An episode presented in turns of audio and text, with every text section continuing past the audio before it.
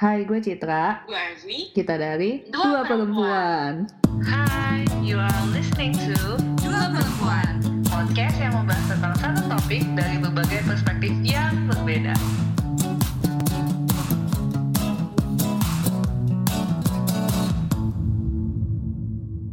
Hai semuanya, terima kasih udah dateng udah mau dengerin dua perempuan lagi. Semoga eh, apa yang kita pernah record sebelumnya bakalan udah pernah ngasih manfaat atau ngasih insights baru buat kalian. Amin. Kali ini kita bakalan ngobrol ngobrolin sesuatu yang deep sih sebenarnya Mhm. menurut gua. Mhm. Em, sesuatu yang sering banget gua pikirin.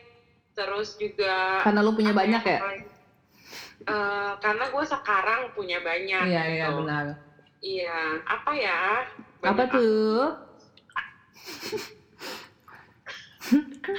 Amin, amin, amin. Citra punya banyak juga nggak ini sesuatu ini? Kata orang sih gitu. Menurut lo? Iya sih, kalau dengan ikutin tes BuzzFeed yang ada sih, gue eh 51% nih tapi. Hmm, Ternyata nggak sebanyak itu, nggak sebanyak yang orang kira gue punya sebanyak itu. Ayo, apa nih? apa nih? Apa nih? Duit kah gitu kan? Hah? Duit Banyak kah? utang. Banyak utang. Lo mah diutangin ya, bukan ngutang ya? ya udah dong, aku ikut, aku ikut. Nih gue sambil makan berasa nggak sih? Enggak, enggak. Hmm. Apa Mi? Eh, Kita hari ini mau ngomongin tentang satu, dua, iya, tiga. Privilege. Privilege itu bahasa Indo ya. bahasa Iya, Inggrisnya privilege. Iya, aku nggak tahu sih kayak gimana, gimana eh, ba- bacanya. Privilege bener. Oh, privilege ya. Mm-mm.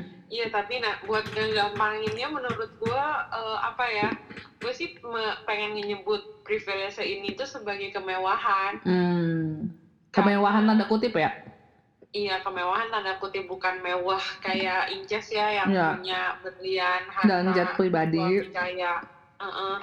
Bukan kemewahan yang macam itu, tapi sesuatu yang kita punya tapi orang lain tuh nggak punya dan Benar. menurut aku menurut gua tuh kayak punya sesuatu yang orang lain nggak punya itu ya orang lain itu tuh ngelihat kita tuh mewah gitu loh pakai Benar. itu tuh iya mewah banget kan Berarti kan ini nggak seperti yang diartikan semua orang mewahnya kan? Menurut lo, term kemewahan ini tuh sifatnya di bagian apa nih? Bentuknya? bentuknya menurut gue sesuatu yang apa ya yang bisa kita uh, physically seen uh, dan juga tapi intellectually juga bisa sebuah jadi sebuah kemewahan gitu loh Hmm. nggak cuma nggak cuma kayak kan kalau biasanya kalau di kita ya kemewahan itu atau privilege itu tuh kayaknya hubungannya tuh sama ekonomi Benar. di Indonesia Barang gitu ya? kalau misalnya uh, uh, kalau misalnya di uh, apa ya di barat gitu kan di Amerika mungkin khususnya kayak uh, privilege warna itu kulit. warna kulit jadi yang hitam itu Plus merasa privilege, putih, uh, uh, itu tuh apa privilege-nya tinggi pokoknya dia hidupnya mewah banget lebih mewah daripada mereka gitu Yap. tapi menurut gua pribadi ada juga yang sering kita lupakan adalah intelektualitas gitu kayak Hmm. semua orang tuh apa ya mau di uh, kalau misalnya kita ngomong real real aja kayak nggak semua orang terlahir pinter gitu loh Oh, tapi kan pintar Iya, itu jadi- menurut lo berarti setuju pintar itu bahwa adalah hasil biologis gitu menurut lo, bukan Uh, kemampuan orang untuk belajar. Itu menurut gua genetis eh, apa ya dua-duanya Hmm. jadi bisa juga ada emang udah ada research yang membuktikan ini nih nanti mungkin ada link di link di researchnya Mm-mm. ada research yang membuktikan kalau misalnya emang pinter itu tuh entirely from genetik gitu loh. Iya benar. Terus habis itu plus plus lagi eh, apa uh, Erstiung apa? Eh, pendidikan apa eh, upbringing Em, apa sih? upbringnya gimana orang tua kamu tuh memberikan kamu. Iya. Nah itu terus tambah lagi edukasi yang kamu dapat dari sekolah jadi itu kayak kompleks banget. Jadi ketika seseorang pintar itu tuh kayak udah privilege itu pasti ada makanya kayak ketika ada orang yang rame-rame ngomel soal eh, ibu-ibu eh, dan bapak-bapak atau anak-anak yang lagi nongkrong apa di MRT MRT Hmm. yang baru buka Iya. Eh, itu kan menurut gua itu tuh mereka kan bilang aduh ini bapak-bapak dan ibu-ibu ini ignoran banget sih makan di pinggir jalan. Emang nggak tahu tata krama apa gimana. Menurut gua mereka itu tuh adalah yang ngomong kayak gitu adalah orang-orang yang nggak sadar sama kemewahan yang mereka punya Iya. kemewahan dalam akses berpendidikan kemewahan dalam cara apa ya udah bisa berpikir logis. Karena berpikir logis aja menurut gue itu adalah semua kemewahan. Karena lo tumbuh di lingkungan yang memaksa lo buat bisa berpikir logis dan orang atau enggak or, ada orang yang ngasih tahu lo oh cara berpikir yang benar itu tuh seperti ini loh. Jadinya kayak itu tuh kayak menurut gue sering dilupakan. Jadinya kita bisa aja nyebut orang-orang itu ignoran padahal mereka ku- apa nggak pernah sekolah emang nggak pernah sekolah terus emang aksesnya ya cuma ke TV doang nggak punya akses internet. Iya. jadi kita sering lupa sih menurut gua Kalau kita ya kalau kalau pintar Maaf, sendiri. berapi-api maaf Kenapa lo ada masalah pribadi kah dengan privilege dalam bidang intelektualitas ini? nggak ada sih justru karena gua ngerasa kayak ya Allah alhamdulillah banget nih gua udah punya semua gue ya bisa dibilang kayak semua semua apa yang gua apa ya semua gue tuh hidupnya lagi enak banget makanya kayak kalau hidup enak menurut gue bukan bukan tempatnya untuk nge apa ya nge-bashing orang nge Hmm, sudut-sudutin mhm. orang tapi hidup kemewahan gue ini tuh harus diartikan dengan cara ya ngebantu orang lain Iya, benar. makanya gue ini lagi eh kalau lo punya ini nggak apa ya eh, cerita khusus gitu nggak sama lo kapan menyadari kalau misalnya lo itu sebenarnya punya privilege yang banyak gitu loh Gue masalah terbesarnya adalah gue tumbuh di lingkungan yang teman-teman gue sejenis, ngerti gak sih? In which Uh-uh. mungkin punya privilege juga sama kayak gue gitu, atau bahkan lebih gitu. Jadi gue tuh berpikirnya ya semua orang tuh tanda kutip sama kayak gue gitu loh. Jadi waktu gue SMA misalnya, teman-teman gue tuh ya privilege sekali anaknya kalau dipikir-pikir ya. Bisa ya bisa afford sekolah di situ, terus maksudnya juga kalau lo bagus ya?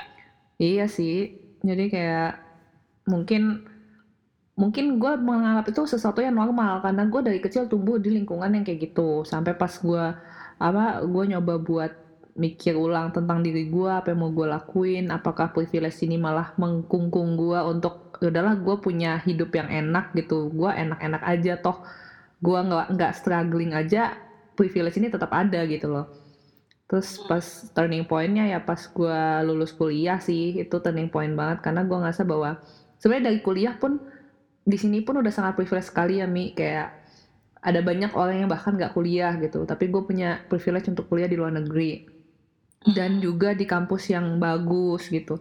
Dan alhamdulillahnya gue di finance waktu ada juga banyak teman gue di sini yang sangat-sangat struggle untuk akhirnya lepas dari finansial orang tua gitu. Dan akhirnya pas tahun-tahun terakhir gue kuliah gue mulai tuh mencoba kayak udah deh gue lepas finance dari ortu gitu. Gue pengen ngerasain tuh gimana sih struggle struggle in terms of lo tuh earn something with, with your apa ya sweat gitu and tears and ngerti kan? Bukan struggle. Karena selama ini yang yang gue struggling kenapa? lo sadar nggak lo bisa memilih jalan hidup buat struggle itu aja udah adalah sebuah privilege iya. Iya karena nggak semua orang bisa berpikir. mau. Ya Dan mau ya gua, jadi kan gue ada temen juga satu. Pokoknya dia kan orang Jerman. Hmm. terus sekarang malah milih hidup buat sekolah di Sudan padahal dia udah punya satu. Hmm. terus malah milih hidup Oh yang ini bias sih kayaknya. Enggak Eng- enggak tapi menurut gue emang enggak kan dia mau di Sudan kan nih Iya Sudan tuh kayak ngerti. gak ada apa-apanya gitu loh terus menurut Iya. gue ju- justru karena dia udah ngerasain semua privilege yang Hmm. ada di Jerman makanya dia juga sama kayak lo jadinya Iya. longing something else gitu Iya, loh. benar. Jadinya mau mau ngerasain sesuatu gue mau struggle nih dan itu tuh kayak Nah. privilege orang yang cuma privilege yang bisa bilang kayak gitu Iya masalahnya emang bener Kalau gue lihat ya Kayak we always longing for something we don't have kan Mm-mm. Dan itu jadi kayak yang uh, Sorry tuh saya kayak yang nggak punya pengen punya Yang yang lagi punya ngerasa kayak gue harus ngasih apa nih ngasih apa sih kan lo Iya. tapi gue gue sangat sangat senang kalau gue cukup sih jadi filantropis gue senang banget loh bukan karena titlenya atau dilihat orang gimana karena gue ngerasa kayak helping people itu tuh sangat-sangat membuat gue apa ya nggak tahu ngerasa gue ada gunanya aja gitu. Kayak hidup gue ada ada, ada maknanya aja gitu. Iya jadi kayak ya itu sih dengan ya gue berusaha aja sekarang kayak gue sekarang kayak udah ya finance auto juga enggak kan. Terus ya struggling struggling yang lain lah. Dulu tuh bentuk struggling gue tuh cuman apa sih? Kayak gimana caranya gue dapet A gitu. Atau ngerti kan strugglingnya anak-anak privilege gitu loh. Privilege kid itu tuh gimana caranya gue bisa dapat A gimana caranya IPK gue sempurna gitu loh. Bukan kayak besok gue makan apa gitu besok gue masih bisa sekolah apa enggak karena uh, misalnya sepatu gue cuma satu terus basah gitu. Iya. misalnya gitu gitu loh. Ada juga yang kayak ekstrimnya lagi misalnya gue gue sebenarnya ini sih concern sama privilege yang dipunya secara gender ya. Kayak Ah, kayak kalau di negara yang sangat-sangat menganut patrialisme kayak negara kita gitu kan itu kan mm-mm. tapi alhamdulillah sekarang udah berkurang ya udah mulai melek gitu. Tapi dengan pola pikir yang kayak gitu gue masih merasa yang kayak kenapa laki-laki aja yang punya suara? Kenapa laki-laki aja yang diperbolehkan? Gitu-gitu loh hal-hal yang kayak gitu sih menurut gue gue sangat concern banget gitu. Dan untungnya makin ke sini makin banyak gitu yang bergerak dan melek bahwa kayak gender itu ya memang harus setara. Setara itu bukan berarti woman tuh nge apa ya ngeinjek-injek laki-laki tapi rights-nya itu sama gitu loh. Tapi Ya. muncul lagi masalah lain kan meritokratik. Jadi kayak masalah kemarin misalnya kursi DPR juga dikasih berapa persen buat perempuan terus ribut dari sini eh, maksudnya orang-orang feminis seneng bahwa akhirnya perempuan dianggap. Tapi ada juga kaum-kaum yang mikir bahwa ya nggak bisa dong tetap meritokratik gitu. Di mana ya kalau lo Oh, memang itu adalah sesungguhnya fuckboy sih. Tapi gue sebenarnya gue sempat decide yang itu.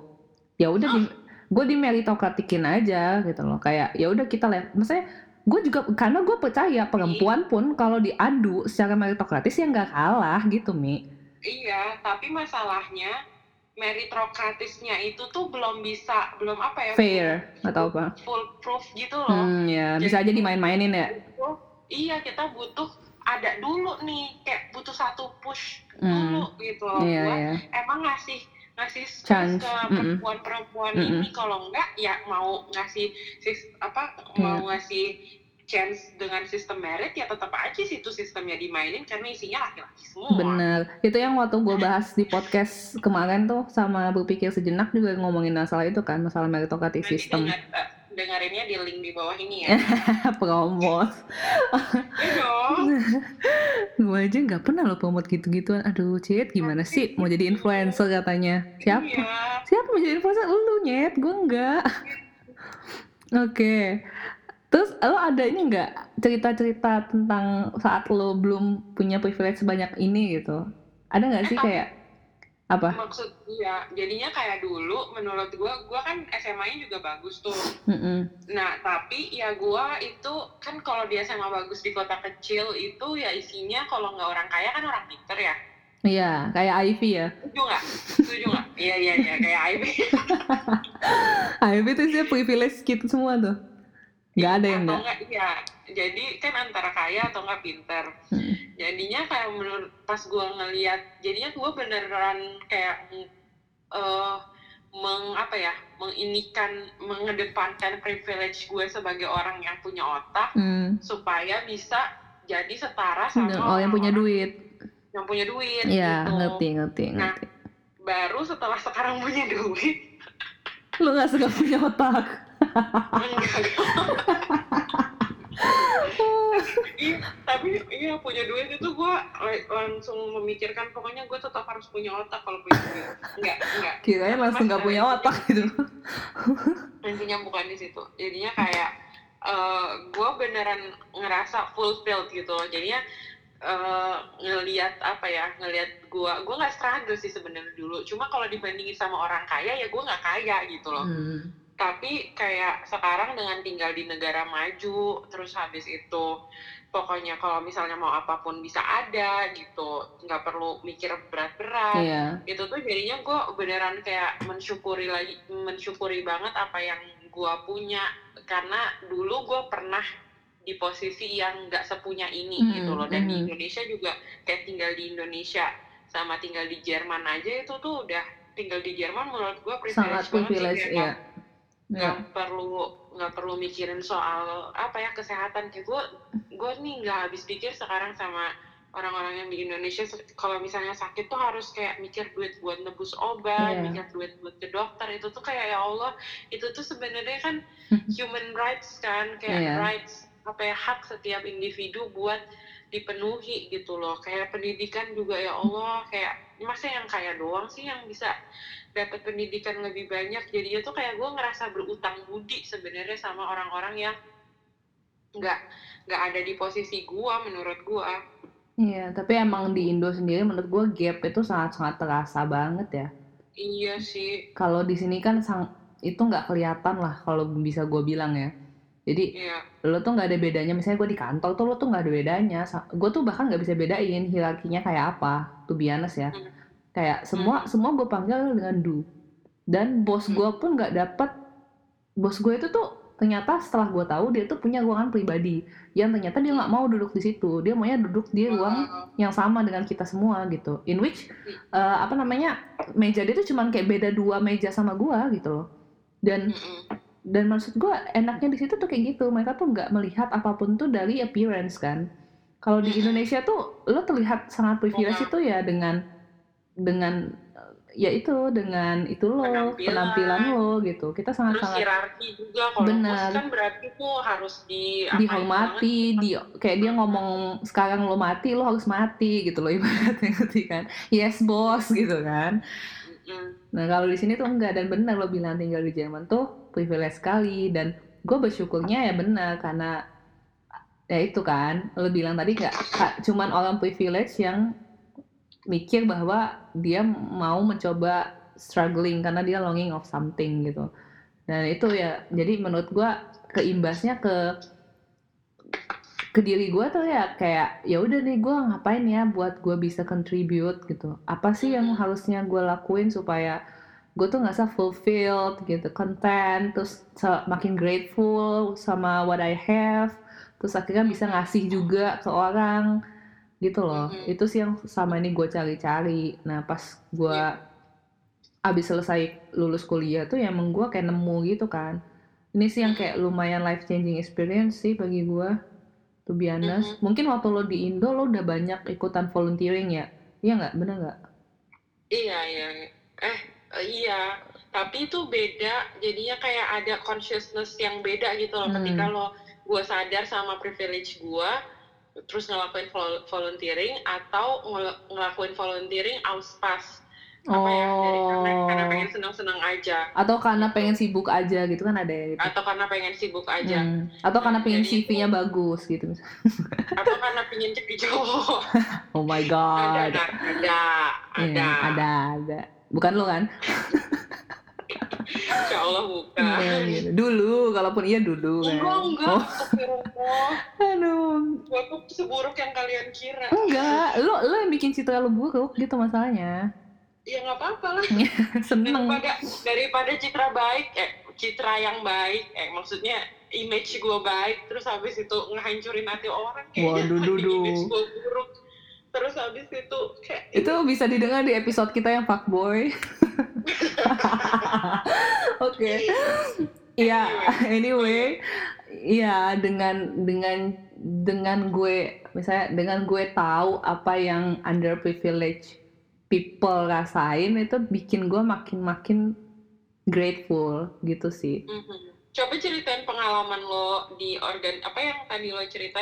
Iya gue pas Iya. balik Iya pas balik Indo, ya lo lo ada di situ lah saat itu betapa gue pengennya balik Indo terus melakukan sesuatu. Jadi liburan gue tuh bukan cuma ya seperti yang dilihat di Instagram kan, orang-orang selalu bilang kayak enak banget hidup lo ya jalan-jalan gitu ya. Mereka nggak tahu di balik itu gue kerja dulu, nganterin koran tiap hari Minggu. Mereka tuh nggak tahu nyet gitu loh. Gue nganterin koran tiap Minggu, kerja bersih-bersih Senin sampai Sabtu. Mereka nggak tahu. Mereka lihatnya gue privilege kid gitu kan, ya kan. Nah, Anak sultan. anak sultan balik-balik Indo terus gitu. Terus Padahal akhirnya- mah anak sultan of kebab ya. ada inside jokes nih nggak ngerti nih listener Iya. iya. listener wah ya allah ya allah lanjut lanjut Gitu. lanjut serius nih Di serius Indonesia lo ketemu apa aja? Lo ketemu apa yang lo cari nggak? Em, iya sebenarnya gue juga balik ke Indo tuh punya misi kan pastilah jadi namanya anak-anak baru lulus nggak tahu lah apa yang mau dilakuin gitu kan terus ngerasa kayak kayak belum saatnya juga buat kerja males mau lanjut kuliah males Ini nih privilege kids begini. iya kayak males males bilang gitu. males gitu kan. Karena ya masih ada cadangan gitu. Iya makanya dari itu gue harus dipush nih kan kayak lo tuh harus ngerasain saat lo tidak punya pilihan lagi di hidup lo harus tahu akan hal itu. Lo nggak ada kata males gitu. Terus gue balik Indo lah. Ketemu satu program yang sebenarnya lo tau lah ceritanya kan gue apply dua program yang satunya sangat-sangat untuk privilege people sekali gitu kan. Dan gue dan gue bersyukur gue tidak di Anak pinter kaya ya. Iya benar. Gue bersyukur tidak diterima di program itu sebenarnya dan yang satunya program yang benar-benar ternyata membuka perspektif baru di gue dan sangat-sangat membuat gue senang karena networking gue tuh sampai sekarang terus terusan berlanjut gitu loh. Dan alhamdulillahnya malah lagi nyiapin buat yang program baru program yang sama tapi untuk tahun yang kedua ini gitu. Jadi program ini baru berjalan dua tahun gitu. Namanya IF Camp. Sebenarnya namanya tuh catchy banget sih Indonesian Youth Entrepreneur and Voluntary Camp. Eh, to be honest saat itu apakah gue terbesit mau jadi entrepreneur? Ap- makanya gue ikut itu? Enggak. Justru enggak. Kalau kata mak gue gue kalau misalnya jualan gue kayak saudagar Bogor misalnya ada orang datang Apa itu maksudnya? gini misalnya datang cit gue mau beli dong gitu oke boleh tapi bayarnya ngutang ya boleh lama-lama gue kasih Eh gue banget itu. Gue Iya. juga pernah dulu coba jualan pulsa. Terus Maka- orang-orang utang gak pernah gue bayar. Eh, Makanya. gue dari kecil loh gue dari SD lo jualan by the way nggak ada yang tahu. Tetep aja gue terlihat super privileged kid gitu. Nah, nah makanya setelah gue baca namanya tuh apakah gue terbesit jadi entrepreneur? Enggak juga. Justru karena dengan misi gue sadar saat gue baca modulnya apa sih yang gue bisa dapat selain tentang bisnis gitu tentang jadi social entrepreneur? Gue tuh baca bahwa lo juga bisa develop yourself gitu. Personality lo tuh bisa diasah banget.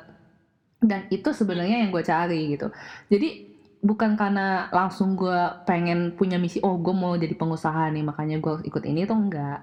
Awalnya gitu. Dan turns out ternyata karena gue give a shot gue coba dan waktu itu kepilih alhamdulillahnya terus gue balik Indo ngerasain tiga hari tinggal di apa ya lu biasalah ada apa-apa nanya Google gitu loh di sini tuh kayak lo harus mengandalkan kecerdasan otak lo sendiri karena nggak ada internetnya gitu kan. Jadi karena karena listrik aja susah gitu loh. Kayak eh, ini tuh desanya tuh terpencil yang gue tuh nggak nyangka ternyata emang Indo tuh segitu dan itu bahkan di Pulau Jawa gitu loh. Yang harusnya aksesnya tuh sangat-sangat mudah gitu. Desanya tuh di Petung Kriyono Pekalongan Jawa Tengah. Yang kalau lo mau ke sana aja tuh lo harus kolektif gitu. Nggak bisa lo naik kendaraan pribadi. Jadi lo harus naik kendaraan umum secara kolektif dan rame-rame. Dan mereka pun caranya tuh kalau mau sekolah anak-anaknya gitu dikumpulin di satu eh, mobil pick up gitu buat sekolah gitu loh Mi. Kayak dan itu jauh gitu kayak beda-beda desa gitu dari satu desa ke desa lain mungkin berkilo-kilo gitu. Gitu sih gue ngerasanya. Dan pas gue di sana gue ketemu banyak orang yang ngerti kan lo beda lah sama circle kita di sini yang anak-anak muda penuh harapan bahwa kayak kakak kuliahnya di mana? Kakak. Terus gue kan nggak mau jawab ya gue selalu nggak pengen jawab gue kuliah di mana? Somehow gue nggak ngerti kenapa sih. Lo pernah ngerasa gitu nggak sih? Nggak ya? Iya, gue paling males kalau ditanya, oh suaminya orang mana? Eh, ya ngerti kan lo? Su- Iya, su- iya. identity identity identity yang lo nggak mau tunjukin. Nah gue tuh selalu nggak mau itu. Tapi kan ini kan sebuah organisasi yang butuh background check lo kan karena ya wajar lah namanya juga sebuah program gitu. Jadi mau nggak mau gue tulis dan ada satu sesi di mana gue ditanya gue kuliah di mana. Ya udah gue jawab dong akhirnya. Dan mereka tidak tidak seperti ngerti kan lo. Ada tipe-tipe orang Indonesia yang kayak mereka tuh deketin lo karena selling point lo tuh lo tuh di luar negeri ngerti nggak? Bukan tipe-tipe yang kayak "Eh, kuliah di Jerman ya? Iya. Kenal Gita Saf nggak? Nah mereka tuh nggak kayak gitu sama sekali Mi. Jadi gue senang. Mereka tahu kita safnya tapi mereka, mereka tahu Gita Saf tapi mereka tuh nggak melihat gue untuk ngerti kan lo ada kan orang kayak gitu yang kayak kenal Gita Saf kenal gue kayak hadeh gitu kan. Misalnya emang ya ngerti kan? Nah saat gue melihat anak-anak ini tuh sangat-sangat apa ya gue senang aja melihat anak-anak muda yang sangat-sangat concern sama society development terus sama kon- ngasih contribution ke Indonesia yang sebenarnya teman-teman gue di sini tuh mungkin kepikiran tapi nggak dalam waktu dekat gitu. Fokus anak-anak sini apa sih mi? Ker- apa kuliah? Kerja di sini. Dapat dapat iya dapat visa yang unlimited dan dapat izin kerja yang unlimited gitu loh. Jadi tujuan mereka tuh mungkin maaf kalau gue menyinggung teman-teman gue di sini tapi gue gua tinggal di sini sudah lama udah tujuh tahun jadi gue bisa ngasih kesimpulan ini. Tujuan mereka tuh apa sih? Mau bikin diri mereka kaya bener nggak?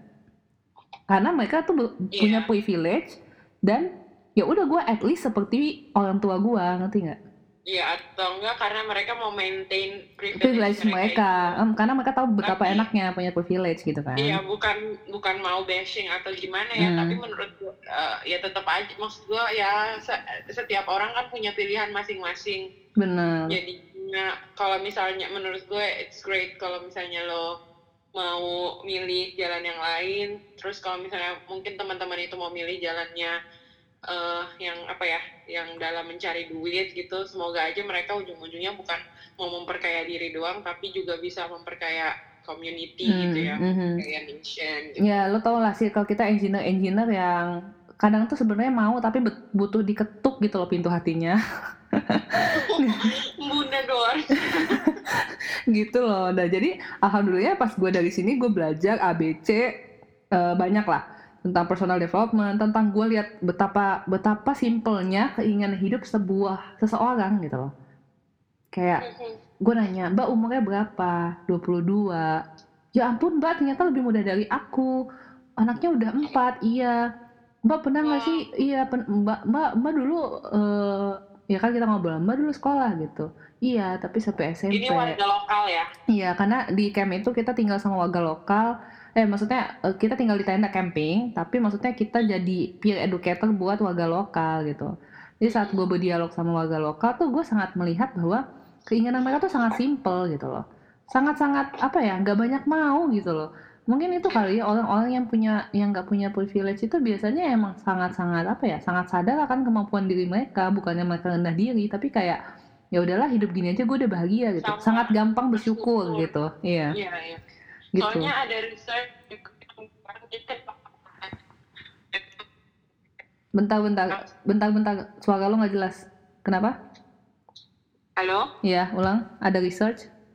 ada research yang bilang kenapa nggak ada postpartum depression di tempat apa ya di negara-negara Asia nggak banyak gitu loh Mhm. di negara-negara yang belum berkembang ya karena mereka tuh sebenarnya udah apa ya karena mereka under privilege dan mereka jadinya nggak nggak mikirin Nggak punya waktu buat itu ya. nggak punya waktu buat being stressed Mm-mm. on after having a kid gitu Hmm. oh Curhat ya.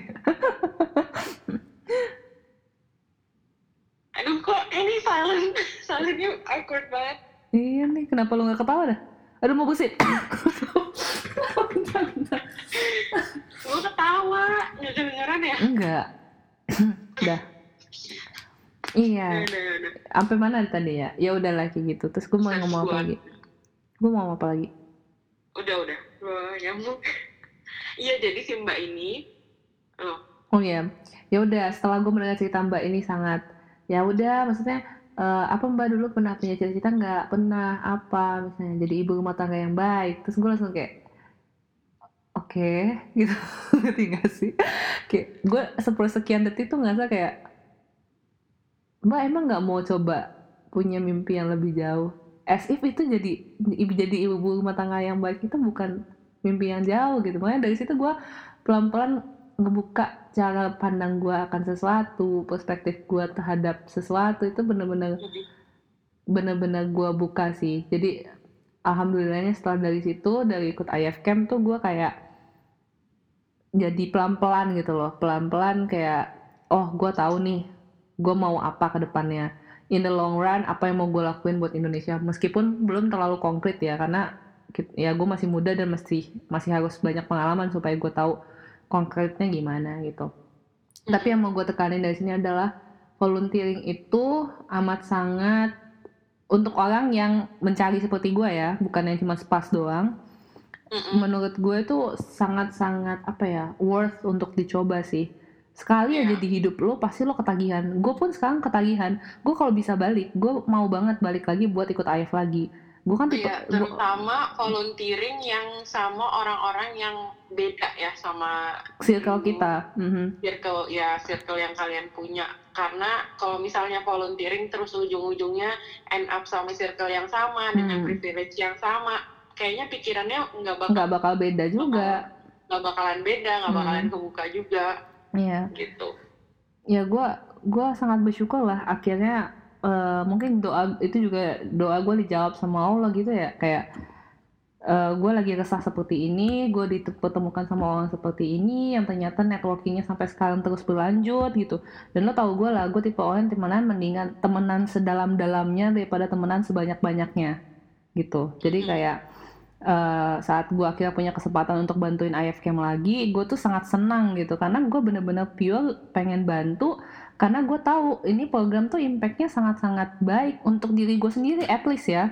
Karena gue ngerasain impactnya gitu. Apalagi nanti mungkin untuk orang lain yang bener-bener pengen jadi social entrepreneur gitu yang hopefully setelah ngeliat eh, keresahan di warga lokal karena mereka bakalan main dan lihat bisnis em, sosial yang udah dikembangin sama Grow to Give dia bergerak di bidang intinya eh, si warga lokal punya hasil panen berupa kopi dan gula merah yang sebenarnya dulu itu sangat dibeli dengan harga murah, murah oleh tengkulak dan si Grow to Give ini akhirnya datang ke Petung Kriyono untuk membantu em, warga lokal buat tahu kayak branding itu gimana sih pentingnya branding.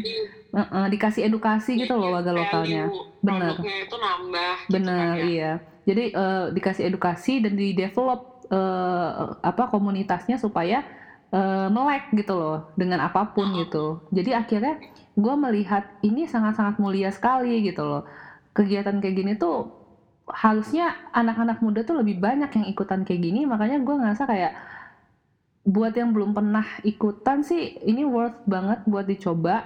Nanti bakalan itu lama nggak? Emang harus ada kualifikasinya dulu atau gimana? Lo Ja- harus ngirim-ngirim apa gitu jadi jadi tuh sebenarnya alur pendaftarannya tuh sebenarnya eh ya kebanyakan program volunteering lah ya. Normal sih menurut gua. Jadi lo daftar sampai tanggal 30 Juni nanti pendaftarannya dibuka dan em, di situ bisa dilihat di link eh, bit.ly eh, slash pemuda mengabdi. Gampang banget kan tuh link? Nah di situ udah dijelasin. Jadi di situ ada link untuk term of reference-nya terus eh, syarat-syarat yang harus lo penuhi apa gitu-gitu. Ada semua Eh, lo harus membayar uang sebesar apa dan uang itu untuk apa aja yang gua jamin itu akan worth it sekali. Dan di situ juga untuk orang yang ngerasa keberatan tuh bakalan ada scholarship mi. Jadi kayak eh, mungkin untuk sebagian orang eh, program fee-nya ini terlalu besar 700.000 ribu karena mereka mungkin nggak lihat di belakang itu 700.000 ribu tuh buat apa? Jadi udah takut duluan gitu loh. Ih 700.000 ribu mahal banget gitu. Nah tujuh ratus ribu mah zaman sekarang dua gamis satu jilbab kali ya. Ya itu. Buat sebuah pengalaman yang beneran bisa life, life changing. iya Sebenarnya untuk sebuah pengalaman. apa-apanya. benar benar untuk pengalaman life changing. jilbab mah nggak life changing. Iya itu mah paling lo besok udah bosen gitu kan ya. Iya. Iya makanya jadi kayak menurut gua lo sebelum lihat tujuan kebiasaan orang Indo gitu uh tujuh ribu mahal banget nih gitu. Nggak lihat dulu di belakang itu mereka dapat apa Value-nya aja. apa. benar mereka dikasih apa aja gitu mereka belum lihat di situ. Nah nanti eh, setelah mereka nggak nggak jangan takut dulu sih menurut gua dengan kayak gitu. Coba aja dulu daftar eh, syukur-syukur diterima gitu kan karena ada seleksi juga gitu loh. Ada seleksi wawancara juga dan gue berharap mereka isi pendaftaran ini sangat sungguh-sungguh karena tadi ada scholarship untuk satu orang tuh akan dikasih full scholarship jadi akan bebas 700 ribu. Mereka cuma bayar transportasi mereka sendiri aja nanti ke Pekalongannya karena meeting pointnya di stasiun Pekalongan.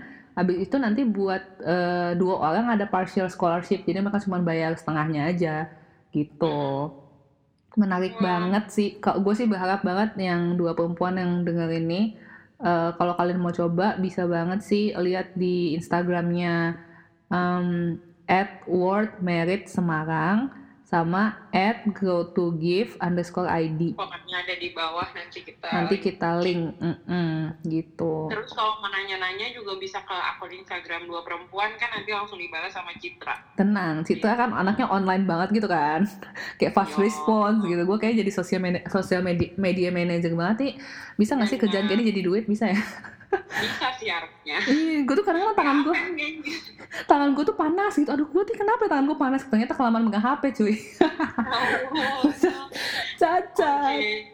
we gitu don't want to hold you guys longer. Mm -hmm. kalau misalnya kalian ada keinginan sedikit tapi butuh dipush lagi ya tanya-tanya aja tulis di komen. Terus habis itu kalau misalnya ada pengalaman atau tempat-tempat life changing apa ya buat volunteering mm-hmm. bisa dikasih tahu kita juga yeah. biar bisa bertemu yeah. teman-teman yang lainnya yeah. ada lagi cip ya intinya sih gue mau nge mau kalian tuh untuk yang apalagi teman-teman kita yang tinggal di Jerman ya Mia mungkin oh, mau okay. ya kalau misalnya mikir pengen balik Indo terus pengen liburannya agak faedah dikit gitu loh. Bisa dicoba sih guys kegiatan-kegiatan kayak gini. Karena mungkin di Indonesia udah banyak mahasiswa yang melakukan hal kayak gini gitu. Tapi kita di di Jerman tuh cuma sibuk belajar belajar belajar doang. Ternyata kita lupa ada ada void di hati kita yang harusnya kita isi gitu. Dalam bentuk dan trust me itu nggak sama sekali mengganggu kuliah lo sih. Malah lo jadi dapat insight baru kenalan baru yang ternyata siapa tahu bantu lo untuk sukun apa future lo yang lo nggak tahu siapa aja yang bantu lo gitu. Jadi menurut gua sama mungkin jadinya justru lebih semangat ya benar benar benar. lo melihat underprivileged people terus habis itu ngelihat oh ternyata kuliah gua itu, itu sangat privilege sekali. iya gitu. benar. Mm -mm. iya jadinya okay. pengen pengen cepet-cepet lulus gitu kan terus akhirnya hmm. balik Indo bener-bener contribute gitu buat our country gitu aja sih oke okay. Thank okay. you buat yang udah dengerin. Kasih guys, semoga insightful ya episode Amin, kali semoga faedah full ya. Ya, dua perempuan. dua perempuan. Hmm, dua perempuan signing out karena ini udah jam setengah satu malam. Ja tapi jangan lupa subscribe sama like. Kalau belum dengar juga yang lain bisa dilihat di Spotify, YouTube kita semua ada di 8 platform tapi nanti kita inform di mana aja tapi Spotify dan YouTube itu udah paling banyak sih ininya apa trafficnya mi by the way yeah. wow thank you so much, thank you so much. bye bye